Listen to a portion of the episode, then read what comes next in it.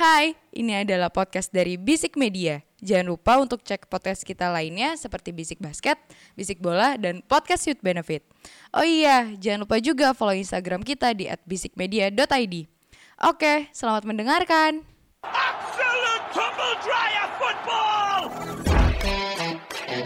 An utter humiliation. He's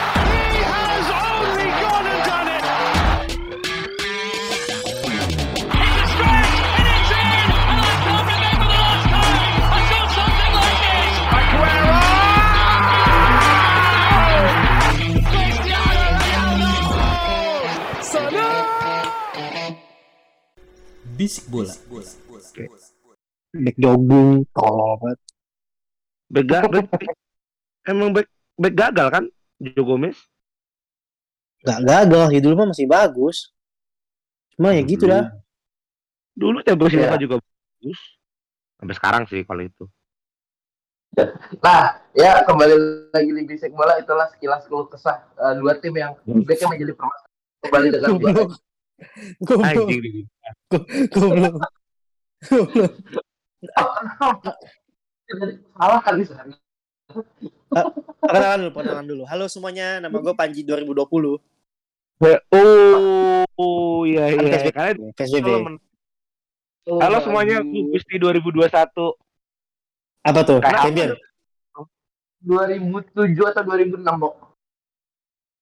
Eh, itu cuma menang ini ya cuma menang eh, Piala Inggris tapi kan kalau 2021 kan kayak Havertz sama Hero 2021 kayak Havertz gue puji-puji sekarang tai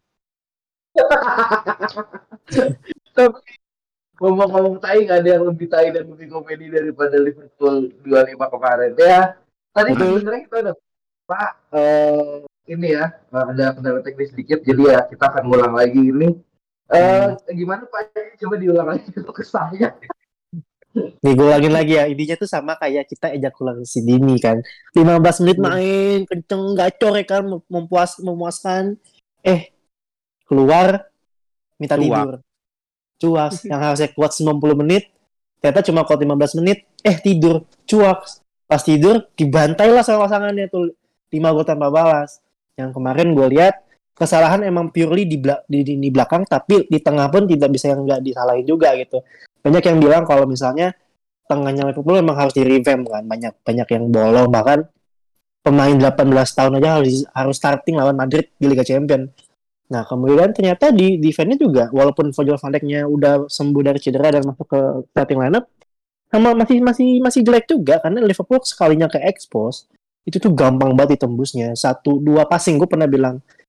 Liverpool itu bertahan musim ini tuh kayak mentega karena pisau panas. Satu dua passing smooth aja masuk ke dalam gitu.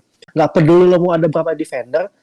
Kemarin aja Madrid ada 5 4 pemain Liverpool di dalam aja masih bisa buat gol melawan pemain Madrid yang cuma 3 atau 2 pemain.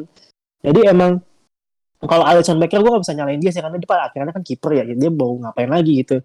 Dan pertandingan ke belakang-belakang sebelumnya Liverpool itu yang nyelamatin kan emang Alisson kan. Nah, kemarin kalau kata Imo tadi sempat ngomong juga emang nggak beruntung aja lagi nggak hoki karena ya gimana mau hoki depannya juga nggak support dia kok ya kan?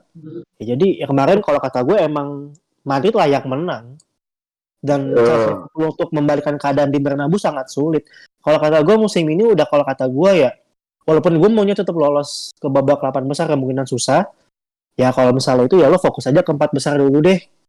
At least itu doang yang dikejar. Kalau Champions udah berat banget nih tiga gol di Bernabeu agak susah sih kalau kata gue. Mau gimana mau kalau dari lu tentang yang ya bilang mau kita lihat sendiri. Ya dibilang bagus enggak dibilang jelek juga. Ya emang. Liverpool Madrid ya konteks berarti ya. Tetap ya Hmm. lu nggak bisa ngalahin DNA Eropa bro. Buat gue eh, Don Carlo maksudnya Madrid dan eh, Don Carlo ini kan eh, dua hal yang punya kesamaan itu sama-sama punya DNA Eropa what do you expect dari seorang Don Carlo yang seinget gue dia udah menang trofi champion dari AC Milan dan Real Madrid juga udah dua klub berbeda. And it's a record gitu kan. Ini sebuah rekor gitu loh. Plus juga Madrid walaupun dengan segala macam regenerasinya dengan pemain muda yang terus menerus kebijakan transfer almost tetap ngandalin Luka Modric ya. Tapi tetap gitu loh. Iya. ngeliat match ngeliat match kemarin Liverpool Madrid itu mengingatkan gue kayak pembantaian Liverpool Madrid zaman kiper Karius kalau nggak salah deh karena ada Bukan. error kan Minole, Minole. Yang babak 16 yang, yang babak penyisihan bukan? Apa final? bukan bukan final final final Oh iya Karius. yang banyak error dari Ronaldo pemain Salto. Gareth Bale salto. Bell gak sih Salto apa tujuh Gareth Bale. Gareth Bale, Iya, Gareth Bale. ya maksud gue ngeliatin kayak gitu Oh. di di spite of Liverpool juga lagi negatif di Inggris ya Eh, sama tolol sih jadi gue nggak bisa. Sorry kali punya sakit yang sama jadi gue nggak bisa ngatain banyak gitu. Cuman Madrid ini kan memang memang kuat. Vinicius ini kan udah bertransformasi jadi pemain muda yang yang eh, memang wonderkid racing star gitu loh. Plus juga Madrid masih dengan mix up squad yang juga oke walaupun seingat gue Nacho tuh agak bego oh nggak salah. Eh gue lupa main apa enggak sih dia. Tapi pada intinya penyakit Liverpool ini memang ya memang butuh transfer kan. Kayak gitu. Jadi dua gol cepat di awal dengan dibantai balik ya lu nggak bisa ngeremehin seorang Don Carlo dan Real Madrid yang memang uh, punya cara punya berbagai cara untuk bisa merubah taktikal di secara cepat gitu loh. Buat gue ya uh, sepak bola 90 menit dua gol di awal tidak menjanjikan sebuah kemenangan ya. Walaupun sebenarnya sih menjanjikan ya. Cuman ya klub yang dibantai setelah udah nyetak dua gol di awal sih ya harus berkata-katain ya ya tolol sih gitu sih. Emang tolol, emang tolol, emang tolol. Yes, banget.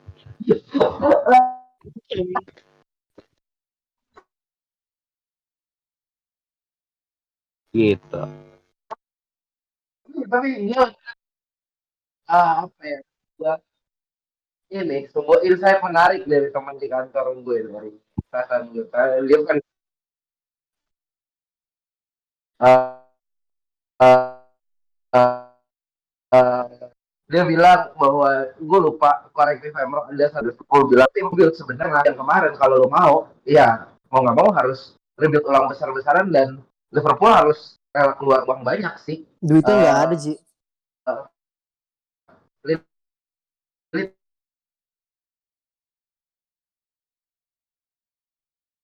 tengah?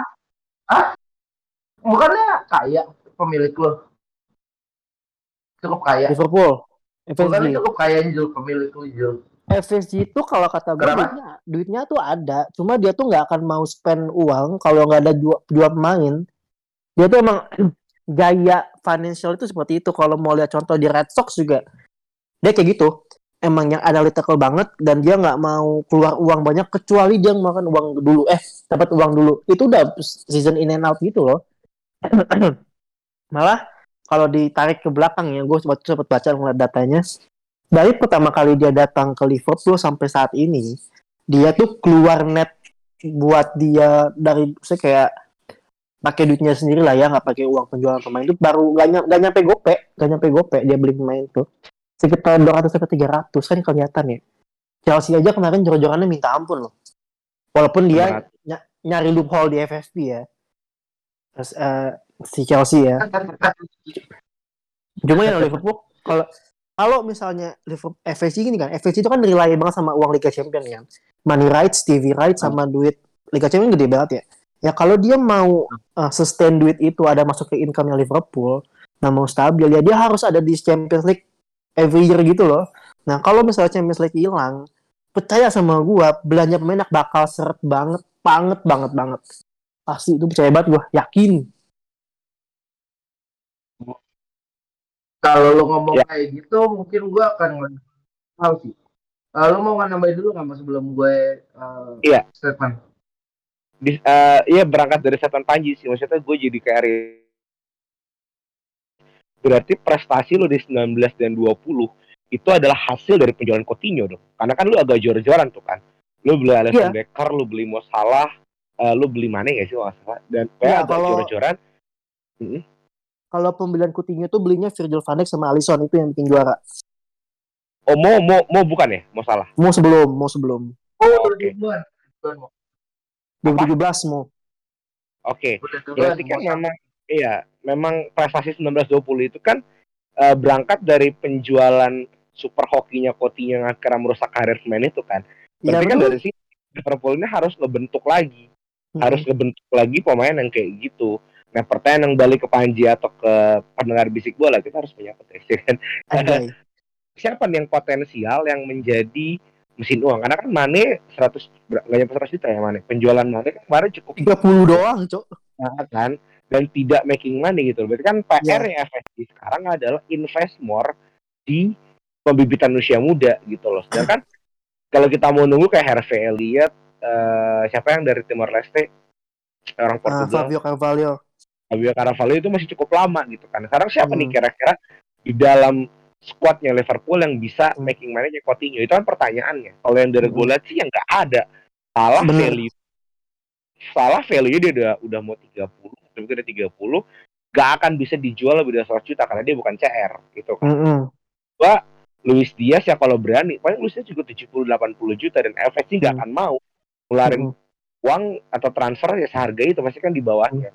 Pertanyaannya itu ya untuk sebuah prestasi ya lu harus cuci gudang total pemain-pemain yang udah afkir lo Hmm. rubah jadi pemain-pemain yang baru. Ya tahun ini ya fix itu investasi bodong sih. Ya kalau mau nanya tentang uangnya dari mana, gue setuju sama Imo.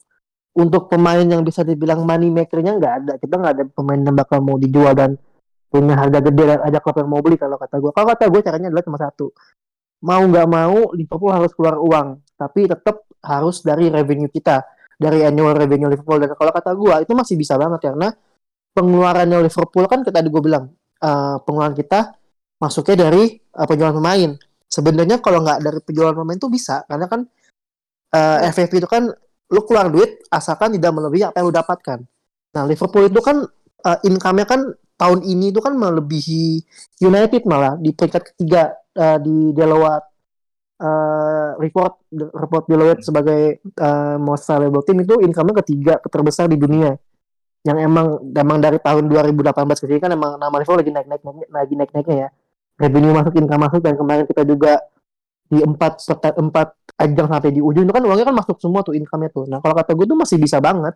Cuma memang kalau ngelihat modelnya FSC menjalan uh, merun suatu klub kayaknya akan berta- akan bertolak belakang gitu bakal ngerusak neraca keuangannya. Tapi kalau dia masih mikirin Liverpool harusnya dia jor-joran. Dan kata gua kemungkinan FSG realitanya di dunia ini tidak akan jor-joran.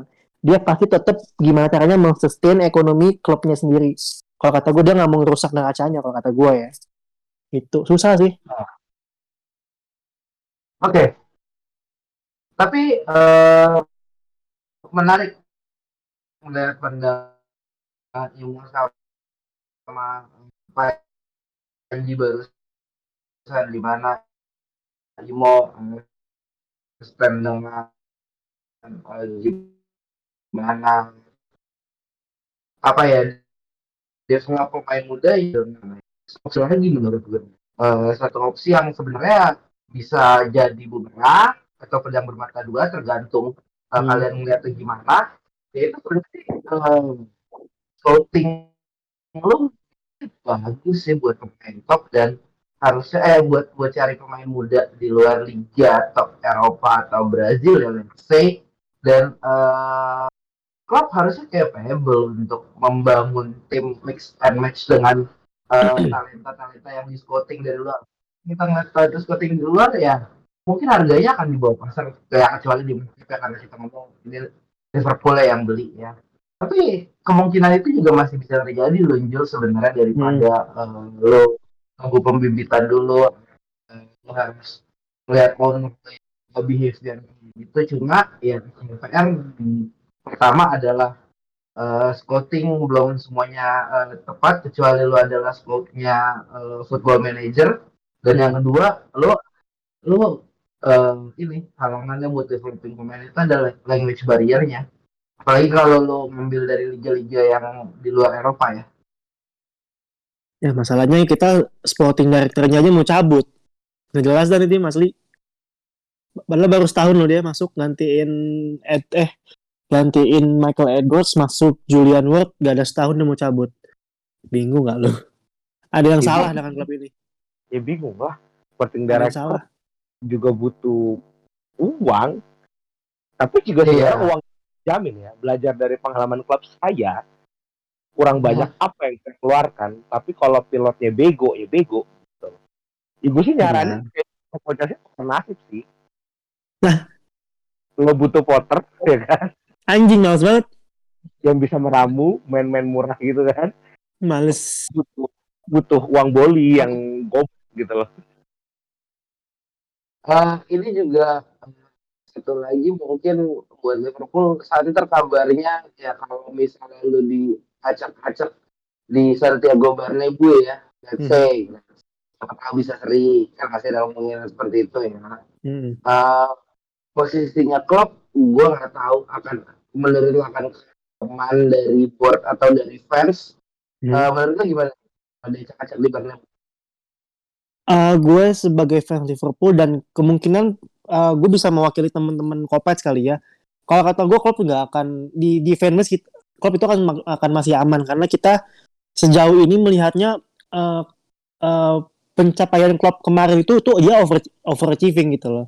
Dia melebihi KPI-nya karena apa? Karena budget KT yang dikasih sama FSG kan tidak tidak besar. Dia memakai apa apa yang dia punya dan akhirnya bagus gitu. Nah, kalau klub sendiri kata gue akan aman karena kemungkinan Liverpool nggak akan degradasi itu kan nggak nggak mungkin lah ya. Uh, top four masih bisa kalau kata gue masih, masih bisa masih ada harapan masih bisa. Pun kalau misalnya nggak dapet top four pun menurut gue dia tidak akan dipecat tidak akan dipecat. Tapi gue nggak tahu kalau misalnya klub pergi itu kan bisa. Karena trennya adalah klub kalau dia ngerasa dia udah nggak bisa membawa timnya naik dia akan mundur. Karena terakhir pun di Dortmund dia mundur tidak dipecat dia Ya. mundur di Mainz pun di saat dia gagal buat naikin Mainz balik ke Bundesliga dia mundur. Nah ini klub itu seperti itu. Kalau dia merasa dia gagal dia akan mundur tidak dipecat. Nah FSG menurut gue juga nggak akan pecat klub. Kenapa? Karena klub itu media darlingnya fanbase Liverpool. Kalau misalnya klub dipecat abis itu FSG diserang sama eh, orang-orang Liverpool. Karena sudah sebesar nama itulah namanya klub kan. Ya udahlah semua dia udah menang semua kalau kata gue dia akan aman cuma kembali. Kalau misalnya emang eh, mulai jelek mulai nggak jelas mainnya gue juga mempertanyakan klub karena musim ini pun banyak keputusannya dia yang menurut gue kok gini sih? Kok gini sih maksudnya? Harusnya nggak kayak gini loh. Nah itu juga dipertanyakan gitu. yang lu pertanyakan itu? Kayak misalnya eh, dia masih naruh James Milner sebagai starting eleven. Dia kemarin kekeh naruh Darwin Nunes di kiri dan Cody Gakpo di tengah. Padahal kemarin naturalnya Nunes itu main di tengah, Gakpo di kiri. Tapi sebenarnya gue juga kemarin ngeliat, oh masih bisa lah melihat Nunes di kiri karena Nunes kenceng, Gakpo tidak sekencang itu sebenarnya. Masih banyak lah dan ada juga Pep Liners yang kok makin ke sini makin besar suaranya daripada klub. Banyak sih Ji eh, keputusan-keputusan yang aneh dari klub di musim ini tuh asli aneh-aneh itu kadang-kadang ada. Oh, tapi gue bahas Chelsea dikit loh. Ya kita tahu lah di Liga juga Go ahead, eh, go ahead, go ahead. sama kan ya kondisinya sedang tidak baik-baik saja. Eh, ini sebelum kita masuk ke bahasan-bahasan lain. Eh, apa ya? Eh, gue nggak tahu ya lu melihat Chelsea bagaimana di musim di winter ini. Tapi apakah salah satu faktornya adalah Potter tidak mendapatkan pemain yang diinginkan dan ini benar-benar apa ya full yang full yang pengen gitu dengan pemain-pemain yang dibeli atau yang masuk pada saat winter transfer ini sehingga akhirnya eh, Potter kesusahan juga ngeracik. Mungkin eh, gua tidak lahir dari klub tradi, eh, sorry fans tradisional kayak Panji, kayak beberapa teman-teman fans Liga Inggris yang udah ngefans dari klubnya rusak atau apa, sehingga gua sangat membutuhkan seorang pelatih yang punya instant impact, instant effect. Hmm. Oke, Potter itu tipikal pelatih yang tradisional, butuh preseason panjang, butuh perjuangan. But Chelsea culture itu nggak kayak gitu dalam pandangan gue. Tidak seperti itu. Oke, kita berangkat dari uh, Abrahamovic, dapat Mourinho, dar dikasih duit banyak, beli beli beli beli, beli tersusun klub terjadi. Oke, kita dapat Conte, dar kasih duit banyak, beli beli beli beli beli jadi. We don't need fucking preseason. Itu yang mau gue tegasin lebih dahulu. Potter ini balik statement gua ini orang kampung yang dikasih Ferrari dia nggak tahu gimana caranya Kirain, kirain Rubicon dikasih. ya iya Iya. tapi ini yang oke itu Tetep. buat gue masalahnya penguasaan dari eh apa locker room gitu loh penguasaan Hmm. dari dari locker room. Kayak Potter ini tidak menghandle.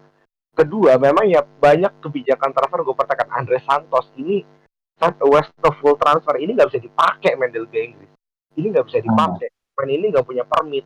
Dia masih 18 tahun atau berapa yang belum capable untuk dapat permit Liga Inggris karena dia belum pernah menyentuh tanah Eropa.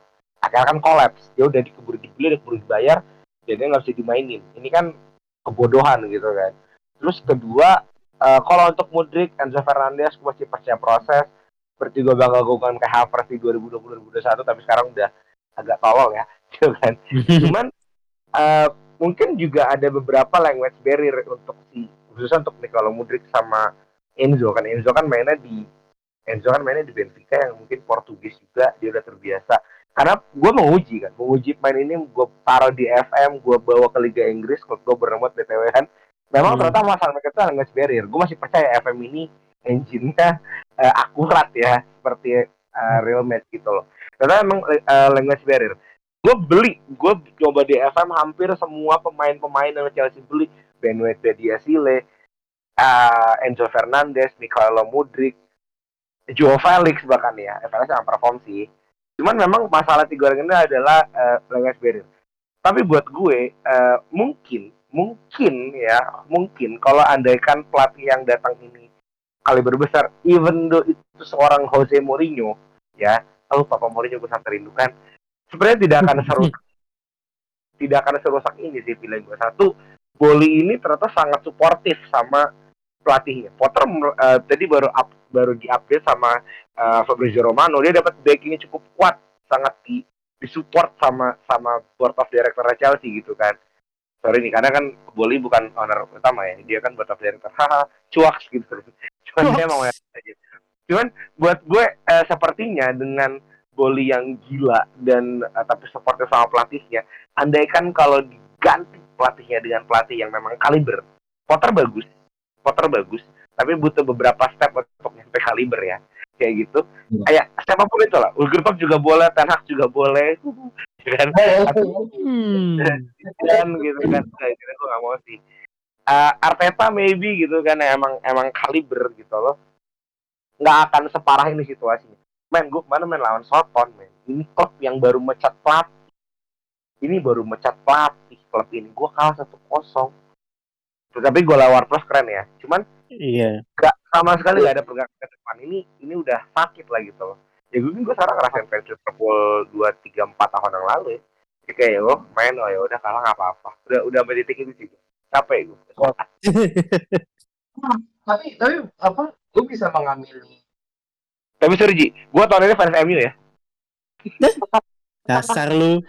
gue bisa kata ini karena ya yang ngomong gue udah sampai titik ya udah kan eh ya dengan Carrington ya benar alhamdulillah itu ada dua orang lagi MU eh fans Chelsea di kantor gue dan reaksinya sama seperti ini. Mereka sudah ya udahlah udah nothing tulus aja di musim ini. Top 10 alhamdulillah agak-agak ke bawah dikit ya udah gitu sih. Cuma eh, apa ya eh, mungkin eh, gue gak tahu ya ini bisa lo lo akurkan dengan pandangan lu sendiri ya sebagai fans eh, Chelsea ya. Tapi eh, ada salah satu teman gue ini eh, dia cukup optimis untuk musim depan ya mau apalagi nanti dengan adanya kesempatan eh, summer transfer ya. Summer transfer dan ya kita tahu tadi kalau ibu bilang apa Potter eh, pelatih tradisional eh, ya mungkin dia akan punya waktu lebih banyak untuk meracik eh, pemain dan strateginya. Bisa jeda transfer dan ya kan udah ada perang pre-season juga kan eh, buat memulai musim depan. Dan kalau dari tadi Imo ngomong juga bahwa dia backingnya kuat juga dari board of director ya, seenggaknya let's say dia masih bisa survive lah sampai eh, winter 2023 ini. Menurutnya gimana? Eh, Gue Eh, optimis itu enggak enggak. Gue justru enggak optimis. Karena gini kita bandingin di Brighton. Brighton ini kan pembeliannya paling mahal 20 30 juta. Pemain dengan eh, transfer transfer value sebesar itu maksudnya harga 30 juta mental, ego itu nggak akan sebesar pemain yang dibeli dengan 100 juta, 80 juta. Karena dia atau dia valuable, ya kan? Eh, ya gue nggak tahu kenapa sih, cuman melihatnya adalah ketika Potter diberikan proses di dengan eh, dia waktu dapat uh, Trossard, eh, no, no, Trossard ditarik. Dia ngeba, ngebenerin tarik Lamptey, dia nge, ngebentuk gue lupa uh, Sesedo kalau nggak salah ya. Kasedo, itu kan pemain- itu kan pemain yang dibeli murah gitu loh. Ya, betul. ketika pemain dibeli murah apalagi Hmm. dari klub kecil masuk ke klub Liga Inggris yang even dulu peringkat 20 pun lo klub gede gitu kan klub kaya itu mimpi setiap orang. Pasti mentalitas warrior itu bagus gitu loh. Di, da- Betul. berbeda dengan pelat, eh, pemain yang yang udah main di Eropa walaupun cuma sekelas Shakhtar Donetsk, sekelas AS Monaco, sekelas Benfica pasti beda gitu loh. Apalagi dibeli dengan harga yang nggak masuk akal gitu kan. Enzo masih masuk akal ya. Mudrik udah mulai gue kayak hmm kayak kemahalan deh si anjing ini gitu kan. Dan hasil dengan 60 atau 50 juta pasti kan punya mentalitas yang berbeda gitu. Nah sedangkan kalau Potter masih menggunakan cara dia di Brighton ya dengan dengan ya, precision process or anything gue yakin gue yakin banget hasilnya nggak beda gitu loh. Kecuali kecuali ada gebrakan gila transfer Chelsea di di di eh, Januari gitu. Kan kita kan eh sorry di Juni. Kita akan masuk ungku kita akan kemungkinan besar kita akan mempermanenkan Joe Felix yang akan ditaruh di tengah ya kayak dijual gue masih berapa ada gebrakan itu gitu loh. Karena kan eh, Kante akan sembuh sudah confirm diperpanjang Mason Mount ya udahlah eh, lo Dijual itu. kalau eh, icon jangan bro. Tapi setidaknya dari lini tengah gue mulai kebayang ada Kante Enzo depannya itu ada Felix Mudrik mungkin ada Mason Mount ya kan. Eh, di kiper ya. Kayak udah sembuh kali ya. Gue udah kebayang lah pokoknya. Eh, tinggal PR di back kiri kan. Ya semoga Teral Malaysia tapi gue gak tahu juga. Tinggal PR di back kiri karena back kanan udah mulai solid gitu ya kan. Eh, jadi untuk untuk di musim depan untuk ke tahapan juara kayaknya jauh. Top 4 possible. Ya setidaknya gue masih masuk dari Eropa lah. Eropa League atau Conference gak apa kalau masih seorang Graham Potter akan beda kalau nanti pelatihnya pelatih yang kaliber gitu. Kalau gue percaya eh, Zidane punya kemungkinan besar sih kalau misalnya. Tapi jangan Potter mau apa lo mau ngebajak ini? Ancelotti. Ten Hag dibilangin. Itu anjing Ancelotti kan pernah di Chelsea ya, Mo ya? pernah 2010 iya. Pernah. nggak ada salah kesempatan kedua. Ancelotti juga pernah di Madrid sekarang Madrid lagi. Boleh. Ya, betul. betul betul betul, betul. Oke. Eh, aduh nih anjing gak ada Agus nih harusnya. Iya menang, iya, iya, iya menang, ya. Oh, ada request dari pendengar setia kita Samuel Tama Parluhutan si Tompul. Mau please bahas. MU ya ayo bahas. Oh aduh gimana? Gue mau mulai dari tim tim bagus ini gimana ya caranya? Ya, karena gue berpikir gini Ji, kita kan tadi udah bahas Liverpool melawan Madrid. Sekarang kita bahas Battle of Rival juga dong. Yang hasilnya Oke. beda banget. Iya. Sama-sama rival, Sebenarnya- walaupun beda kasta ya. Heeh. kalau ngomong eh, ini gue ya sebagai gue memposisikan diri gue sebagai fans MU ya. Oh, itu apa Eh, MU sebenarnya- ya ini gue udah bukan fans kata-kata lagi sekarang. Dibalik ya. eh ini gue kalau memposisikan diri fans MU eh, salah satu yang gue highlight dari pertandingan ini sebenarnya eh, MU punya blessing in disguise juga.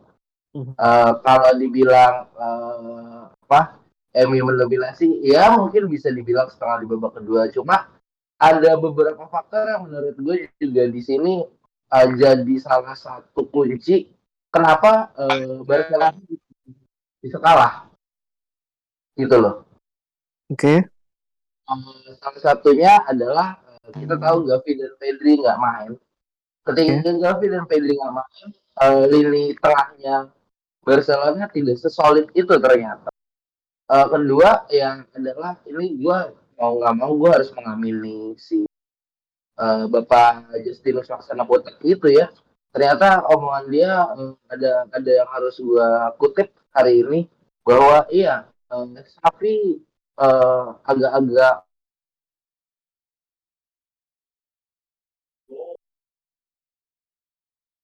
ada eh, keputusan saat dia eh, apa namanya memutuskan untuk mengganti pemain tapi tidak mengganti taktik. Jadi dia hanya merefresh eh, apa ya namanya kesegaran pemain aja. Nggak ada hal untuk dia reaktif terhadap lawannya untuk membendung kah atau untuk membuat mencoba serangan balik kah karena itu kelihatan banget di babak kedua di mana MU udah mulai ya si nyaman nih, udah mulai Hmm. Eh, untuk pemain MU sendiri gua sih eh, apa credit has to be given untuk eh, gue bukan Fred sih lebih ke Anthony. Gimana dia bisa ngeliat peluang itu buat gol kedua. Karena kalau uh, itu dibiarin ya gue tahu bakal dragging. Dan kalau dragging sih sebenarnya gue pede-pede aja sih mau nyampe penalti. Cuma karena gue juga ngeliat uh, penaltinya Lewandowski itu ya Gea sudah jatuh ke arah yang tepat tangannya sudah ke arah yang tepat cuma sayangnya juga Lewandowski ya yang nendang kan tetap masuk. Dan eh, emang apa ya gimana ya tapi lini depan masih terlalu rely sama Garnacho sih.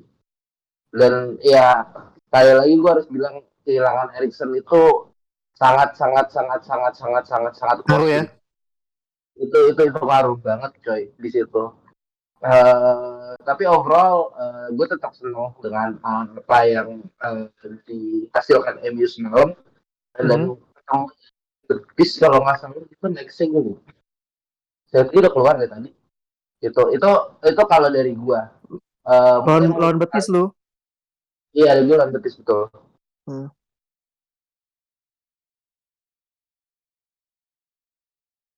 Ayo siapa yang mau nambahin duluan Oke, Gua- gua mulai. Oke. Boleh boleh.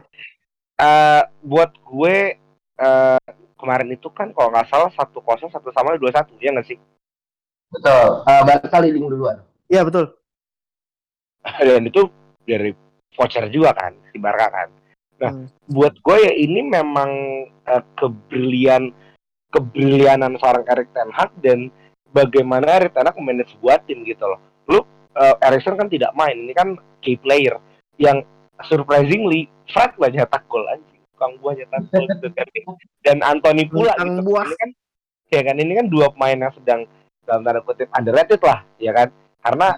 Tony juga yang nggak nggak terlalu perform uh, Fred juga sering diremehkan tapi dua pemain ini gitu kan. Ya mungkin ada uh, buah dari Garnacho juga gitu kan nah buat gue kemenangan lawan Barca ini ya sebuah statement bahwa uh, walaupun Tenak in the end tidak dapat apa kan nanti di minggu atau Sabtu dia akan final Karabau kan. Tapi Mhm. ini sebuah step baik step bagus gitu loh. Ini sebuah step bagus eh, untuk MU gitu kan. Nah ini yang gue harapkan gitu loh. Ini gue harapkan dari seorang pelatih yang memang punya basic mentality yang cukup bagus punya culture yang bagus yang bisa dibawa ke tim gitu kan. Buah dari eh, seorang tenak yang keras yang tertib pemain ini jadi terarah ketika berjalan komunikasi berjalan lancar gitu loh. Jadi ini sebuah role role pelatih yang cukup bagus ya mungkin kayak ya kalau kita head to head sama Jurgen Klopp yang di 2020 eh, sangat beruntung tidak ada eh, badai cedera yang datang gitu kan. Jangan karena kan mungkin nggak banyak badai cedera juga tapi kan beberapa pemain kunci harus pelan-pelan tergeser juga ini sebuah dampak yang bagus. Berbanding terbalik sama Safi kan? Dua dua dua midfielder mereka Gavi sama Pedri yang terpaksa absen ya ternyata membuat opong gitu kan. Emang sekarang lini tengah segitu pentingnya ya. Saya eh, jangan salahkan Chelsea investasi juta lebih ke Fernandes ah tapi lanjut ya kan? Jadi eh, ya ini juga Barca sebenarnya datang ke match tersebut tidak sebagai tim yang lemah. Dia eh, unbeaten bahkan harus patah kan unbeaten sama Ten Hag gitu kan Betul. nah ini ini eh, sebuah sebuah eh, cerminan gitu kan bahwa memang eh Safi itu seperti 2020-nya klub aja sih buat gue. Beruntung kemarin-kemarin nggak ada badai cedera, tidak ada akumulasi kartu yang terlalu parah. Sekarang dua komponen utamanya harus patah dan itu yang dieksploitasi sama seorang Erik Erik Ten Hag gitu. Ya berharap ya semoga eh, Qatar Sport Investment nggak jadi beli MU. terus si owner tuh si Glazer makin tolol tenak ngambek tenak keluar ya welcome to the London aja sih sama tenak Doaku masih Ayo, Ji. Eh, kalau dari lu gimana Jul? Kalau buat MU sendiri, gue harus mengakui gitu ya kalau misalnya Ini Musim gokil. halo Halo, apa itu? Apa itu dari itu? kepencet Tadi kan Goblok. Keren banget kayak rekaman kayak begini. ya, tadi kembali lagi. Tapi kembali lagi ke tadi eh, Manchester United. Gue harus akuin musim ini eh klub kesayangan gue itu performanya bagus banget di bawah Erik Ten Hag ya. Walaupun di awal-awal musim sempat keseok-seok, tapi makin kini makin makin dapet, makin makin harmonis pemainannya, makin makin rapat. Kemudian kalau kata gue nih ya, salah satu faktornya, kalau tadi Aji bilang ada Erikson, ya gue setuju emang Erikson yang bisa menjadi pembeda. Cuma kalau kata gue nih, ya, yang bener-bener jadi pembeda di musim ini- musim ini di skuadnya Manchester United itu adalah di Casemiro yang bener-bener megang lapangan tengah Manchester United. Either itu di Europa League, either itu di Liga Inggris itu bener-bener megang banget karena kemarin aja waktu Casemiro ngamen, ini goyah. Nah harapannya gue ke depan adalah bagaimana MU bisa membuat Casemiro ini stay fit dan tidak keganggu gangguan fisik lah ya bisa dibilang kayak gitu. Gimana caranya nanti Ten Hag memanage? Ya? Kamu mau tinggal ya intinya bagaimana eh, si eh, Ten Hag memanage eh, game time-nya? dia tidak 30 apa? Enggak 30 ya? Gue lupa. siapa? Casemiro tiga almost 30 apa 30 ya pokoknya masih in between lah in, in between late 20s early 30s yang menurut kita masih di peaknya seorang pemain bola. Ini rugi banget si Madrid dengan lepas Casemiro pemain udah jadi diganti sama uh. Chomeni Chomeni nah tapi kembali ke uh, sentuhan Magic Erik Ten Hag memang saat ini itu butuh pelatih ya Erik Ten Hag gitu ya yang punya bawa filosofi baru. Kemudian ribuan lagi Marcus Rashford yang entah berapa minggu ini udah buat gol terus. Kalau lo main FPL lo pasang Rashford. Alex Hunter. Alex, Alex Hunter. Hunter. Betul Alex Hunter. Kalau lo main FIFA ini bener-bener Alex Hunter. Jadi intinya gini yang gue takutkan adalah MU kembali ke masa kejayaan waktu zaman Sir Alex Ferguson. Tapi kita nggak tahu ya kita nggak tahu ke depannya kayak gimana. Tapi untuk musim ini uh, akan menjadi waktu yang sangat menyenangkan untuk menjadi fans United. Karena ke depannya kemungkinan ini akan exciting banget karena uh, amit-amitnya United bisa menyodok dua Arsenal City buat di Liga Premier League kemudian peluangnya dia di Europa League mengingat besok lawan Real Betis uh, kemungkinan besar untuk maju jauh itu juga um, sangat jauh sangat kemungkinan besarnya bisa jauh lah ya. Dan gue berharapnya take overnya United gak jadi walaupun kemarin juga udah ada berita gak jadi. Yang gue takutin itu sih. Gue yang gue takutin adalah MU kembali ke atas lagi itu yang gue takutin. Kalau melihat trennya dan gaya permainannya sangat-sangat mungkin di bawah Erik Ten Hag untuk menjadi United yang kita tahu lah sebelum-sebelumnya gitu mungkin gue masuk dikit kalau lu bilang takut MU kembali seperti Vergi itu dapat dipastikan iya kalau Tenak tetap seperti ini Vergi sama Tenak itu punya kesamaan yang cukup buat gue cukup banyak gitu loh Vergi kan selalu menekankan filosofi Mesque and Club kan there is no player bigger than club gitu loh kan artinya apa Ya. tuh Bang Messi Hah? artinya apa tuh Artinya Bang Messi Iya kan? Ini buat gue Hmm. pasti gitu loh. Ternyata memang Manchester United itu butuh pelatih yang seperti ini karena MU kan eh, seperti julukan Old Trafford kan, Theater of Dream. Semua orang goblok apa pun nih klub tapi ini klub besar gitu loh. Beda lah kayak Chelsea ya buat cari duit, uh, fame cepat itu cabut gitu kan. MU ini tetap menjadi sebuah klub tradisi yang cukup bagus gitu loh. Nah, ketika banyak orang yang bermimpi main ke MU eh, dan dipegang oleh pelatih yang juga enggak nggak apa ya bahasanya tidak mengagung-agungkan lu lu main tolol lu main goblok lu tetap dipakai. Berapa pelatih sebelumnya itu yang bisa menjadikan lebih bagus buat gue pasti jadi gak usah heran kalau dua empat lima tahun yang ambil tenar empat kali lima kali lebih kan MU tetap jaya ya gue nggak kaget sih Tapi nggak percaya Karena kan DNA-nya belum teruji walaupun udah sampai ini apa sih yang ekstrim itu yang zamannya Ziyech lebih Delih sama itu gue lupa pokoknya kan dia dia tinggal di Eropa tapi kalau untuk megang klub ya jadi ya kan seperti kayak gitu banyak galah sama pemain udah itu gitu loh jadi kalau gitu. ya ya ya inilah jawaban yang dibutuhkan gitu Mhm. Oke. Eh, mungkin gua eh, nambahin sedikit ya untuk salah satu faktor kemarin yang eh, bisa bikin eh, apa ya daya gedornya banyak kurang selain dari Gavi dan Pedri eh, dua back dua, dua maut back tengah saya cukup cover kemarin. Dan sekarang ada satu clearance krusial itu yang nggak bisa jadi dua setengah. Asli ya asli. itu buat buat gua gua gua senang sih eh, gimana. Eh, semangat semangat Korsanya Madrid ya Varane dan Casemiro kemarin tuh masih ada ketika melawan Barca. Itu udah eh, apa ya eh, strawberry on the top of the cake topping itu udah. Mantap banget. Tapi ya terima kasih. Gua kuping gue cukup berbunga-bunga mendengar eh, Asik. opini-opini Asik. cuma gue nggak tahu ya kalau dibilang panjang masih masih memungkinkan. Cuma jangan lupa juga di Europa League ada Arsenal. Arsenal. Di Europa League. Mhm. eh, ini jadi salah satu batu sandungan juga menurut gue karena eh, kalau kita nih kalau gue realistis ya Jul ya ya Jul mau Mhm. sebagai fans untuk nyalip ke atas ke Premier League ini Mhm. minimal Arsenal itu satu kali seri satu kali kalah atau Arsenal dua kali seri dan MU nggak boleh hilang poin Nah, Oke. yang susah eh MU nggak boleh hilang poin itu karena menurut gue oke udah ada eh, sorry. Ada Weghorst ada Sabitzer cuma kan ya ini adalah pemain yang datang di tengah musim. Alhamdulillah bisa datang syukur-syukur bisa perform. Bisa bisa bisa perform aja udah bagus sudah ibarat bukan nggak nggak belum apa ya namanya belum keluar lah ininya. Kemampuan terbaik ya karena ya baru sebentar ya. Cuma Mhm. eh, kalau kita realistis atau kalau gue sebagai fans disuruh realistis mungkin eh, paling realistis adalah eh, Karabau sama F.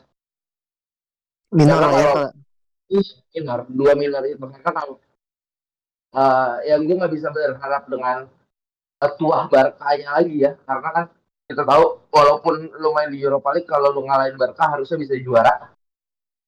Eh itu udah kebukti di tahun kemarin kalau nggak salah gue lupa eh, Frankfurt ya kalau nggak salah kemarin ya. yang ngalahin Barca di semifinal eh Eh, itu gue juga gue lupa Lupa gue. harusnya Frankfurt ya pokoknya Bro. kemarin tuh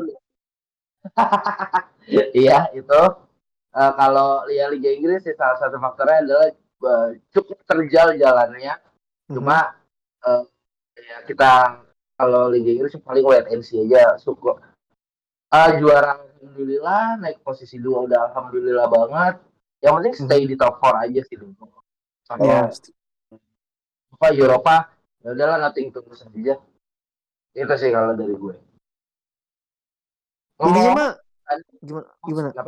Sorry, lanjut aja dulu I- Ya intinya mah eh, menurut gua untuk trofi di Piala Liga itu udah paling bare minimumnya United musim itu udah ya bare minimumnya. Dan kemu- kemungkinan besar di FA lo masih ada kan ya? masih masih masih ada Itu juga kemungkinan bisa jauh. Kalau kata gue tuh United musim ini minimal dua dapat kayaknya Ji. Yang kalau bisa dibilang lu sama Bang Agus bilang setidaknya trofi minor lah, double minor gitu. Kalau kata gue mah hampir 75% bisa banget peluangnya karena di kalau kita ngomongin Piala FA ya kan kalau Piala Liga nih kalau Newcastle doang nih yang kemungkinan lawan Loris Karius doang kan. Nah, kalau buat di Liga di Piala FA sendiri saat ini yang formnya lagi bagus yang masih tersisa ya hanya United gitu. Arsenal udah nggak ada. Lawan paling City, paling berat City lah. Nah, dan saat ini ngelihat form form City sama form United, gue masih megang United. Sih. Jadi kalau gue bilang emang peluang double double minor lah. Itu tuh gede banget di asli. Asal asal pemain-pemain kunci lo fit. Tadi gue bilang gimana Ten Hag memanage game time pemain-pemain kunci ini. Gitu. karena ini ya eh casualnya MU se- seingat gue setelah Barca ini adalah final final Piala Liga Mm-mm. main FA dulu habis itu eh gue lupa ke Liverpool tandang ya kalau nggak salah Tandang ke Anfield. ya benar itu Eh, yang sebenarnya juga ya eh, respect has to be credited when it's made ya namanya juga Liverpool di Anfield ya gue tetap harus uh, cautious juga dengan keadaannya dan dengan eh, sejarah kebelakangan naik ke belakang tetap ada deg-degannya juga walaupun Liverpool lagi begini sih. Pastilah. Pasti bakal ada deg-degan yang namanya Ah, Northwest Derby kok. poinnya ada soalnya di situ ada banget Mm-mm.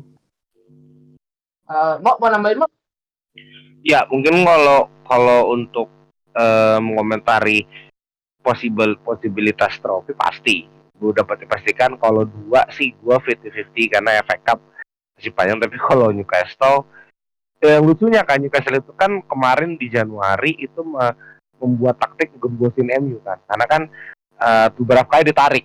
Ya, walaupun akhirnya nggak akhirnya nggak kepake kan di musim kenapa dia nggak bisa kepake di Karabo cuman kan itu taktiknya gitu kan. Terus eh maju ke uh, Karabo pun udah bilang di step dia sudah men statement di press conference kemarin kalau salah hari ini bahwa dia akan Hmm. fokus banget untuk dapetin piala sepertinya memang dia memasang target satu piala gitu loh untuk untuk musim awalnya di di eh, Liga Inggris ini gitu kan Hmm. nah yang sangat gua tertarik gue mau ngeliat transfer Tenak di Januari dan performa MU tahun depan gua akan sangat ikhlas kalau MU harus juara di tahun depan akan sangat ikhlas gitu. Karena ya eh, mungkin era Big Four akan kembali minus Arsenal kita sepak ya kan? Jadi era Big Four akan kembali karena harus harus lima bola empat. Udahlah mm-mm. Cuma tiga tiga pelabuhan satu ibu kota cukup lah ya. Nah, kan ada ini lah ya. Kayak gitu. Jadi buat gue eh, posibilitas dia untuk dapat satu trofi udah pasti dan satu trofi itu udah dapat dikatakan tsunami ya setelah berpuasa sekian tahun tidak punya trofi Iya. gitu. dan ini juga dengan dengan budget eh, ya budget yang cukup budget yang sekarang gue ngomongin budget itu rancu sih karena ternyata bisa aja 600 juta gitu kan dalam dalam satu dalam satu tahun possible cuman MU belajar cukup hemat diberikan pelatih yang cukup tegas hemat juga ya you know lah orang-orang Belanda kan sangat ekonomis dalam hal mengeluarkan uang kan. Jadi ini udah kawin sih buat MU jadi gua nggak heran sih kalau uh, nanti juga di tahun ini dapat dua trofi. Mhm. uh, ya di liga posibilitasnya terbuka lebar sepakat Arsenal kemarin ngap-ngapan sampai extra time City juga sosok lah. City buat gue ya dengan performa City tahun sebelumnya ya sosok sih. Cuman kalaupun MU dua tuh udah kayak juara dari masyarakat. ya, iya. iya. Eh, apa pelatih orang Belanda eh, apa hemat dan tegas ke kondisi sini aja bisa bangun jalan raya dari Anyar ke Panarukan coy. Waduh. betul. Gak saya dapat hematnya dapat ngapain bayar kuli mahal dari Afrika dari Cina? Tapi orang Jawa aja sudah bikin aja panarukan jadi sampai sekarang sustain. buat mudik ya kan? gue gue masih ada satu satu topik lagi. Ini tadi gue baru baca sebelum apa? Arik Thohir? Ma- apa? Irene Amali Ma- apa? Bisa? Waduh. Yunus Nusi apa nih? Oh bukan. Tapi kalau kalau bahasa Indonesia kalau kita lagi ini aja face to face aja lebih enak Hmm. Eh, ini gue tahu kan pemain eh, guat guat itu. Yang Siapa, kemarin menang piala yang kemarin menang piala dunia. Oh. Oh yang iya. oh, oh Messi Messi. Oke oke yang angkat loh. Dia lagi request aneh-aneh loh di PSG buat memperpanjang kontraknya. Apa tuh? Gue nggak tahu nih infonya nih. gue nggak tahu. Nggak tahu Eh, gue. tadi tuh gua- tahu gue dia dia minta ada tiga poin. Satu itu gue lupa gajinya. Dia tuh 46 juta ya se- setahun kalau nggak salah. Apa berapa gitu. Udah, udah, udah, mahal banget ya. Apa 500 ribu per pekan lah kalau nggak salah kan Mahal lah ininya. pokoknya itu dia ya dia minta naik. Satu Hmm. itu kedua itu dia minta eh, apa PSG itu ngerombak skuad besar-besaran di summer transfer biar bisa bersaing di Liga Champions. Yang mana sebenarnya gua gua gua pun mikir anjing ini PSG mau dirombak apanya lagi pemainnya? Kecuali ya. Dan yang Hmm. ketiga itu ini ada sentimental sama karena dia menang Piala Dunia. Dia tuh minta jatah liburan lebih habis ngebela Argentina. Eh, jadi misalnya eh, bisa Argentina mungkin dia eh, bisa ngebela Argentina. Yang harusnya bisa langsung match di Eropa. Kayak dia bisa minta satu atau eh, dua laga buat eh, libur dulu. Yang menurut gue ini sih eh, ya menjadikan Messi. Gue melihatnya mulai mangkak seperti Cristiano Ronaldo kemarin sih ini, ini opini Mhm. pribadi gue aja ya karena gue ngeliat ini dari ya. Iya dari dari goal.com ada. Eh, cuma kalau dari opini lo, eh, ya ada nggak buat tambahin dulu? Gue berdua siapa dulu? Gua ya. gue mulai duluan kali ya. Eh tapi Boleh. kayak gini, Messi juga mungkin sebenarnya udah, menurut gue udah eh setengah hati gitu loh di di PSG. Karena gue masih sangat yakin bahwa eh, Qatar membeli PSG dalam hal untuk promosi Piala Dunia. Gue sangat yakin gitu ya. Karena Hmm. kan lewat dulu sama Qatar. Eventnya sudah selesai, dia khawatir udah sejor-joran itu. Mengenai request pertama mengenai gaji, si Warren untuk gaji sebesar itu dia mengantarkan hmm, ini harga gila keras banget gitu kan. Jadi itu kayak kayak Mei Mekarta di tahun awal yang menjanjikan coba kita katakan depannya gimana. Terus untuk kedua untuk mengenai perombakan gua little bit sepakat. SG beberapa transfer sebelum itu udah mulai aneh kalau beli Julian Draxler mau beli um, 24 tanggal itu juga ada lagi udah mulai agak aneh. Jadi kalau untuk kompet, kom- berkompetisi di champion eh, squad ya gue sangat percaya dengan uang banyak gitu loh squad itu harus punya eager to win ini yang kayaknya PSG nggak punya gitu loh dia terlena di liganya udah pasti gampang Mhm. uh, butuh pemain-pemain yang punya eager to win, kemauan buat menang gitu loh, kemauan buat meramu tim. Sedangkan kan sekarang di PSG yang terjadi kan itu dua matahari kembar. Yang satu good all the time, membuktikan dia saat tahun pertamanya agak nurut, sekarang dia udah make it, udah berhasil ya dia, dia akan ingin menjadi raja lagi. Kita tahu lah habitnya Messi di klub sebelumnya seperti apa, dia bisa mecat pelatih, dia bisa nge, uh, ngebawa timnya. Sedangkan secara respect dengan Mbappe yang kemarin menjadi raja kecil atau bahasanya ya uh, anak yang belum siap buat mimpin tim tiba-tiba dijadiin uh, apa ya uh, sporting director bayangan dan main baik awal setelah respect sedangkan Messi kan udah make it gitu loh. Ya lu kalau dipimpin sama orang yang udah ber- berpengalaman bertahun-tahun di korporasi yang udah shuttle masuk ke sebuah startup yang mau ngeluarin duit banyak pasti kan orang percaya. Mhm.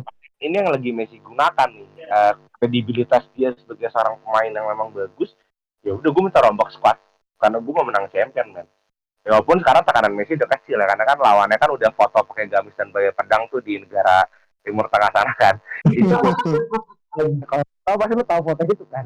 Pakai baju gamis pegang Iya. pedang buat apa itu kayak mau bikin yang negara yang mau bikin Ka'bah baru itu. Lanjut ya kan? Ah, jadi gimana? eh, permintaan Messi kedua buat gua agak make sense. Dengan yang ketiga itu sih udah mulai agak keluar otak ya. Karena buat gua Messi sendiri kan singkat gua tuh emang dia selalu statement dia akan pindah ke Inter Miami-nya Beckham. Dia akan pindah ke Inter Miami-nya Beckham. Kemarin akhirnya Bartolomeu sudah statement kami tidak akan mengembalikan Messi. Kayak menghargai kontrak ya mungkin sekarang Messi udah saatnya cari duit. Ya Matteo mau kuliah kali jadi dia butuh duit banyak kan buat Matteo Mateo anjing.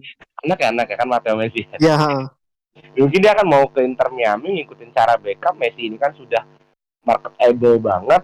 Ya orang Argentina orang Amerika Latin kan juga nggak mau hidup banget buat hidup kan? Udah cukup gitu kan. Gue mau ngumpulin duit gue mau kedut gue mau mabok. Udah itu aja mungkin yang mau Messi lah. Coba Thiago Silva ya. Thiago Silva tetap punya cara yang bagus buat bertahan hidup. Uh, bias. Lanjut. Bagus bagus. Oke.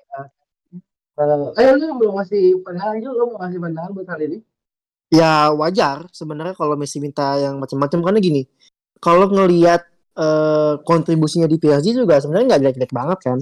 Eh, masih bisa buat gol, masih bisa assist dan sebenarnya kalau kita ngomong tentang dua matahari ini memang eh, spotnya kebagi dua ya. Cuma yang gue soroti adalah sebenarnya dua pemain ini antara yang gue ngomong ini Messi eh, Neymar Messi ya, bukan bukan oh oke bukan Mbappe ya karena Mbappe udah bukan matahari lagi dia tuh dia tuh inilah eh Centauri B itu no planet ya adalah bintang yang lebih gede lagi dari matahari adalah tuh udah paling gede Oke. lah Iya, iya, Nah, iya. antara Messi sama Neymar itu masih bisa kerjasama dengan baik. Cuma kalau kita ngomong marketability, Mbappe yang menang tetap dong. Nah, mungkin mungkin eh, Messi merasa oh gue masih bisa dapat lebih dan bisa dibilang eh, Messi nggak mau lah. Kalau menurut gue ya Messi nggak mau lah menghabiskan eh, sisa karirnya di di MLS lah let's say gitu lah ya. Karena menurut gue juga kalau kita ngomong Inter Miami sendiri kata gue mah dia nggak bisa ngebeli Messi sih, bukan ngebeli sorry, membiayai gajinya Messi pun menurut gue masih kurang kenceng kayaknya duitnya di sana.